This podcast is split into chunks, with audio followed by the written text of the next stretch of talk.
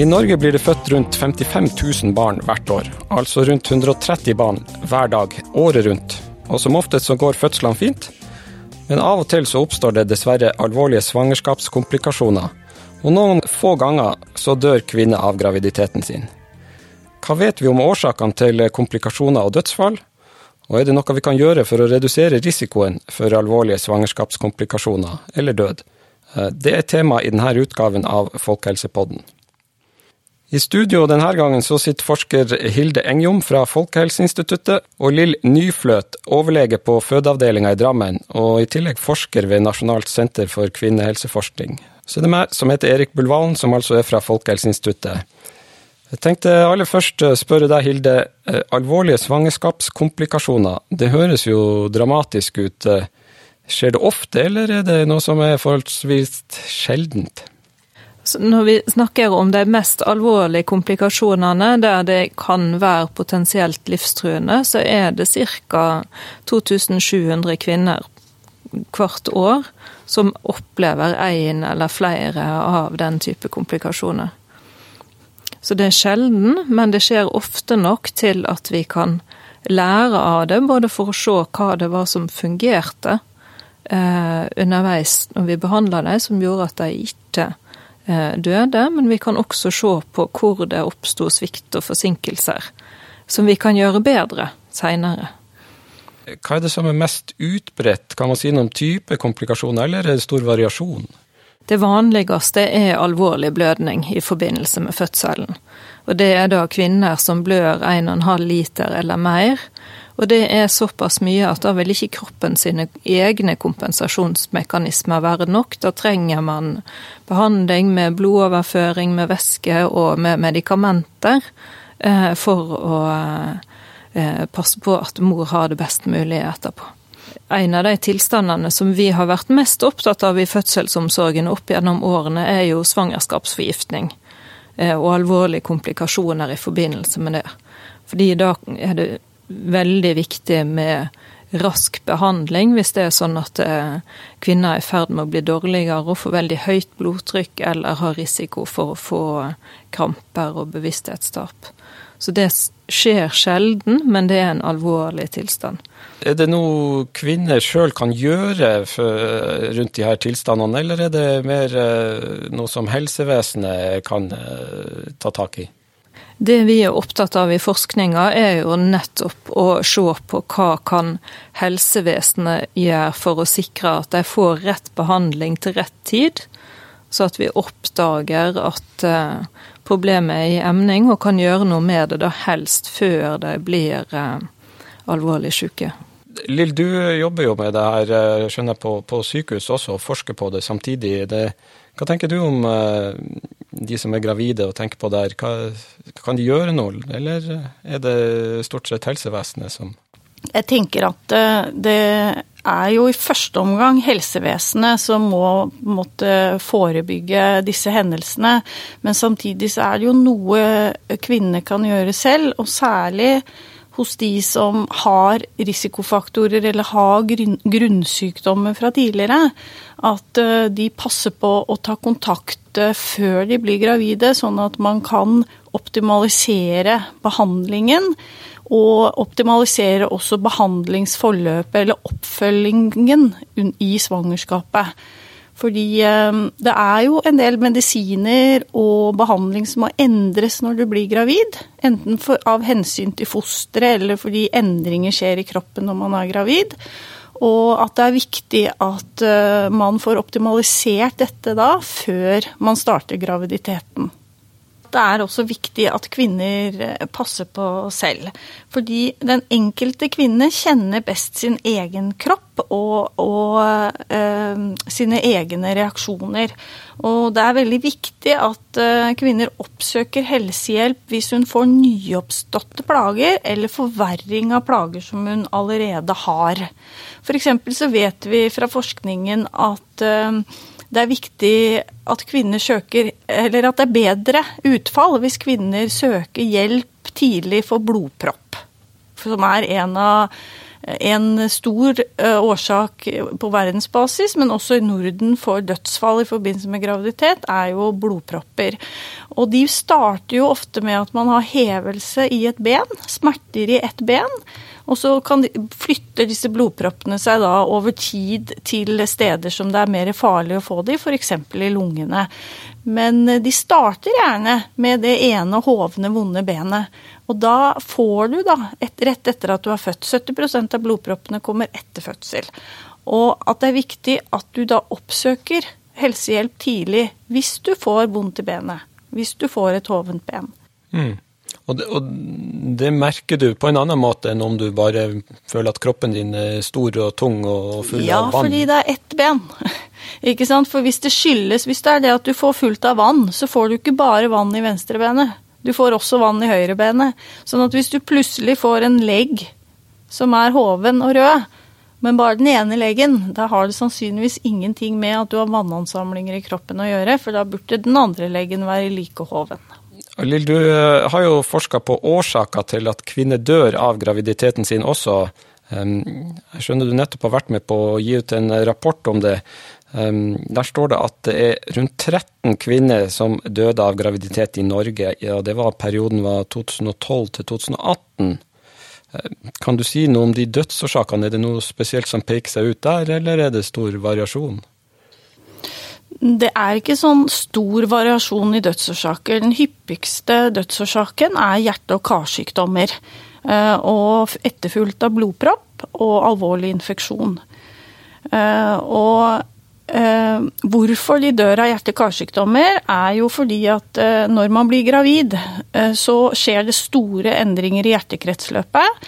Og det gjør at belastningene på hjertet er betydelig større under graviditeten enn den er ellers. Og eh, da forverres gjerne de symptomene man har på hjertesykdommen sin, eller plagene man får av hjertesykdommen sin, forverres betraktelig under svangerskapet hvis man ikke er behandlet, eller blir optimalt behandlet. Og det kan også skje forverring etter at man er født. Fordi det tar tid før disse forandringene går tilbake til normalt igjen, da. Etter at man har født barnet. Mm. Jeg kjenner jo til at dere har et nordisk samarbeid som ser på dødsfall samla sett for Norden. Eh, hvordan er situasjonen der da, eh, Lille? Kan du si litt om hvordan Norge ligger sammenligna med, med andre nordiske land? Ja, når man ser på Norden under ett, så er det også hjerte- og karsykdommer som dominerer som eh, dødsårsak for gravide kvinner. Eh, fram til 2012 så var det svangerskapsforgiftning de fleste døde av i, Nord i Norden. Mens eh, eh, i Norge og, og i Danmark er det ingen mødre som har dødd av svangerskapsforgiftning etter 2012. I de øvrige nordiske landene er det fremdeles noen få som dør av svangerskapsforgiftning, men det er stor nedgang også her. Og det skyldes jo at det i de senere årene har blitt gjort en stor innsats fra fagmiljøet for eh, å optimalisere behandlingen for å unngå disse dødsfallene. Det vi også har sett i forskning altså tidligere eh, ble, Det ble gjort en stor studie i eh, Norge og Norden ved tusenårsskiftet som så på de som da hadde fått kramper og bevissthetstap i forbindelse med svangerskapsforgiftning. Og mer enn en tredjedel av de kvinnene hadde ikke blitt fanga opp på forhånd. Eh, noen har større risiko, bl.a. de førstegangsfødende, men det betyr ikke at risikoen er null hos andre grupper. Eh, og i, i studier nå i Norge de siste ti årene har vist at også noen av de kvinnene som i utgangspunktet har lav risiko, får en plutselig eh, utvikling av den type alvorlig tilstand. Og det krever jo da at kvinner oppsøker hjelp, og at helsepersonell skjønner hva som er i ferd med å skje, og gir forebyggende behandling for å unngå kramper. Eh, og passer på blodtrykket, som Lill sier, og også da planlegger hvordan en best skal forløse barnet. Og det er jo noen ganger en vanskelig avveining, for hvis de ikke har kommet så langt i svangerskapet, og barnet vil bli født veldig mye for tidlig, så er det fryktelig vanskelig å veie fordelen for barnet med å være inni magen opp mot ulempen for mor med å vente med å ta dem ut. Det som jo har eh, skjedd med retningslinjene rundt svangerskapsforgiftning, er jo at man i dag anbefaler tidligere forløsning enn det man gjorde før. Og det har man sett har spart mors liv, men også barns liv. Ved å forløse tidsnok, da, som vi sier. Mm. Eh, og norsk forskning har også vist at dette er ei gruppe som har høyere risiko for å bli syke seinere i livet, få hjerte-karsykdommer. Sånn at det å følge opp etter svangerskapet for best mulig forebygging er viktig for helse på lang sikt. Når vi kommer inn på det med forskning, eh, Hilde, du har jo forska på det her med reisetid til eh, sykehus eh, tidligere, har jeg skjønt. Altså hvis du bor en time eller to unna et sykehus, da har du litt større risiko for at det kommer til komplikasjoner. Er det slik å forstå? Ja, det er jo i fødselsomsorgen så er det et begrep en gjerne jobber med, og det er en sånn forsinkelsesmodell. Altså hvor er det ting tar tid? Det ene er at kvinner og de som er rundt henne må skjønne at noe er i gjære. Det andre er jo den tida det tar å komme seg fram til et sted der det er kyndig personell og du kan få hjelp. Og det tredje er jo da det som skjer på sykehuset eller på fødestua når det gjelder diagnostikk og behandling. Eh, og det vi så i eh, studiene fra Norge, der vi faktisk kunne bruke individuelle data. Vi hadde beregna reisetid for nesten alle kvinner som fødte gjennom en tiårsperiode. Det er helt fantastisk at vi har den muligheten i Norge. Det var jo at de som hadde en reisetid mer enn én time til nærmeste institusjon, eh, hadde en høyere risiko eh, for alvorlig sykdom. Og det er sannsynligvis knytta til at på en fødeavdeling eller på ei fødestue, så er det døgnbemanning, det er egnet utstyr for å undersøke, det er rutiner for videre henvisning osv. Der alt er på én plass organisert og iverksatt, og at det faktisk eh, har betydning for eh, kvinners helse i eh, samband med svangerskapet. Er det, no, er det, noe vi kan gjøre med det? Altså, hva, hva er, det, er, det, de som bor i grisgrendte strøk, er det noe de får gjort med det, eller er det rett og slett bare sånn det er, eller? Ja, nå har det jo blitt mer legitimt å diskutere og stå på kravet og si at vi vil ha ei tilgjengelig helsetjeneste. Og det er jo et legitimt krav gitt rammeverket som Verdens helseorganisasjon anbefaler, der en jo viser til at det å ha tilgjengelige institusjoner som det er råd å komme fram til, og som er akseptable for deg, for familien og de rundt deg, og som har en eh, kan yte god behandling, det er faktisk viktig. Og det er jo ikke sånn heller at alle kvinner må føde på høyspesialiserte sykehus. Og Helsedirektoratet gir også ut retningslinjer hvor eh, man, hvordan, på hvordan man kan selektere ulike kvinner til forskjellige typer fødeinstitusjoner. Og de omfatter jo også fødestuer og til og med hjemmefødsler for de som skulle ønske det. Sånn at eh, det er jo helt legitimt å si at helt friske kvinner uten komplikasjoner underveis ikke kanskje trenger de mest spesialiserte sykehusene, sånn at man har mulighet til å ha fødeinstitusjoner nærmere kvinnene i grisgrendte strøk. da. For hvis alle skal føde på høyspesialiserte sykehus, så sier det seg jo selv at da kan man ikke ha det overalt på hver minste lille sted i Norge. Det går jo ikke, for det har man ikke nok spesialister til. Men eh, det er jo god forskning som viser at alle ikke må føde på høyspesialiserte sykehus. Men alle må føde med godt trent personale. Alle bør ha med seg minst en jordmor. Og det, nettopp det er jo målet. Sant? riktig behandling til riktig tid. For langt de fleste friske gravide så vil det være åtte kontroller hos fastlege eller hos jordmor, og en fødsel med jordmor til stede, der jordmor følger med på at det går framover som det skal, og at mor og barn tåler fødselsarbeidet. Jeg har jo lest at uh, kvinner blir eldre og eldre når de uh, blir gravide i dag. Uh, mener det sto at gjennomsnittsalderen nå er 29 år. Kan dere si noe om grupper som er spesielt utsatte for komplikasjoner? Er det eldre kvinner f.eks., eller overvektige, eller er det andre grupper? Noen som peker seg ut? Når vi ser på de kvinnene som døde, både i Norge, men også i Norden, så ser vi at sårbarhetsfaktorer er det at du er 35 eh, år eller eldre, overvektige eh, er mer utsatte, og kvinner med kroniske sykdommer som diabetes, høyt blodtrykk, enkelte revmatiske sykdommer. Eh, men i tillegg så er det jo også eh, migrantkvinnene, altså nylig ankommende spesielt kvinner som ofte ikke kan språket. De kan ha uoppdagede og ofte ubehandlede sykdommer. De har dårlig kjennskap til helsetjenesten. Og de har et lite nettverk, sånn at ikke de heller får den helsehjelpen de trenger til riktig tid. Og Vi vet jo også at fra svensk forskning annet, at tidligere erfaringer fra møte med helsetjenesten er viktig. Så de som har, føler at de har blitt avvist eller ikke har blitt tatt for, på alvor, vil ha en høyere terskel, og kanskje for høy terskel, for å ta kontakt seinere. Og nettopp dette med de sårbare gruppene er jo en del av det norske arbeidet med å redusere sosial ulikhet i helse der det er et mål at de gruppene som da kom, de mindretallet som kommer dårligere ut, eh, skal vi jobbe målretta med.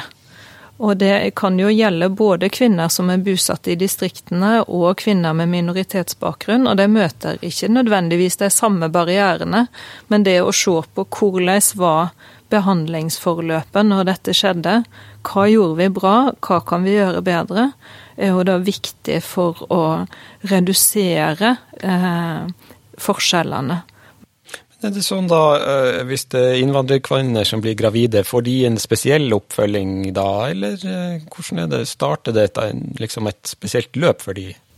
I dag så gjør de jo dessverre ikke det. Jeg tror vel heller ofte at de får mindre oppfølging enn eh, norske kvinner gjør, og dette går nok på det med å ha kjennskap til helsevesenet og å kunne språket. Og jeg tror jo også det at ikke vi er flinke nok til å skape tillit, sånn at de ikke, ikke sant, De har jo erfaringer selv fra de landene de kommer til, fra, og det er ofte ikke kan ofte være mindre positive erfaringer både med helsetjenesten og med andre autoritetspersoner, som gjør at de holder seg unna. Hvis de blir syke, at de eh, ikke nødvendigvis forstår at det er det beste for dem å oppsøke helsehjelp. Og jeg tror nok også, selv om graden av skepsis og rasisme er kanskje lavere i Norge enn i mange andre land, så tror jeg jo dessverre at det er utbredt, det også. Sånn at de faktisk møtes med mer skepsis og mindre Får mindre hjelp, da, i en del situasjoner. At man er litt forutinntatt når de oppsøker helsetjenesten. Og, og, så er det jo også sånne ting som forskningen har vist, at de, det brukes f.eks. altfor lite tolk. Sånn at uh, man ikke forstår alltid hvorfor de kommer. Ikke sant? Fordi det er ikke så lett å fortelle hva som feiler deg hvis du ikke kan språket eller kan språket dårlig. Og da er jo tolk et veldig effektivt uh, middel for å faktisk forstå hva som feiler kvinnene. Da. Men hvis du ikke bruker tolk, så har du jo ingen sjanse til å finne det ut. Og kvinnene har ingen mulighet til å fortelle deg hvorfor de, eller hva det er de opplever, da, og hvorfor de oppsøker deg. Og det er jo gode grunner til å nettopp ha en tolk, eh, og ikke bruke familiemedlemmer. For da kan du risikere at kvinnen ikke tør å fortelle noen ting som vil være vanskelig i eh, Eh, familiesituasjonen. Og også at er, du skal være utdannet og erfaren for å kunne formidle et budskap. og det å legge det ansvaret på familiemedlemmer, og spesielt hvis kvinner er syk, det må være i ytterste nødsfall hvis det er eneste muligheten. Eh, litt avslutningsvis. Eh, det er jo sånn at eh, gravide får mye informasjon i mange kanaler, og man kan jo fort bli engstelig over alt man skal huske på. Hva vil dere si til gravide som blir engstelige av å høre på ting som kan gå galt ved fødselen, slik som vi har snakka om i dag? I hvilken grad bør de engste seg, eller bør de engste seg i det hele tatt? Ja, der er det veldig viktig å si at eh, i Norge har vi veldig god fødselsomsorg, og Norge er kanskje verdens tryggeste land å gå gravid i og føde barn i. Men eh, vi må jo allikevel forske på, på dette her med mødredødsfall og alvorlige komplikasjoner for å passe på at vi forblir best. Og også huske på at eh, også de beste kan bli enda bedre. Eh, og det er jo også viktig å se på dette som eh, man ser på i forskningen til Hilde, med de spesielle utfordringene vi har i et langstrakt land som Norge, som lang, med lang reisevei. Eh, og så vet vi også at den gravide befolkningen i Norge blir eldre, det blir flere av de gravide som blir overvektige. Og det er flere, og det er på bakgrunn av at man blir, får, får barn i eldre alder, så har man flere grunnsykdommer. Og at det er viktig at vi følger med. Men det er jo, og det er jo for å passe på at det fortsatt skal være trygt å føde i Norge. Da sier vi takk for oss eh, og Folkehelsepodden. Denne gangen var tema alvorlige komplikasjoner ved svangerskap og fødsel, med Hilde Engjom fra Folkehelseinstituttet og Lill Nyfløt fra Nasjonalt senter for kvinnehelseforskning.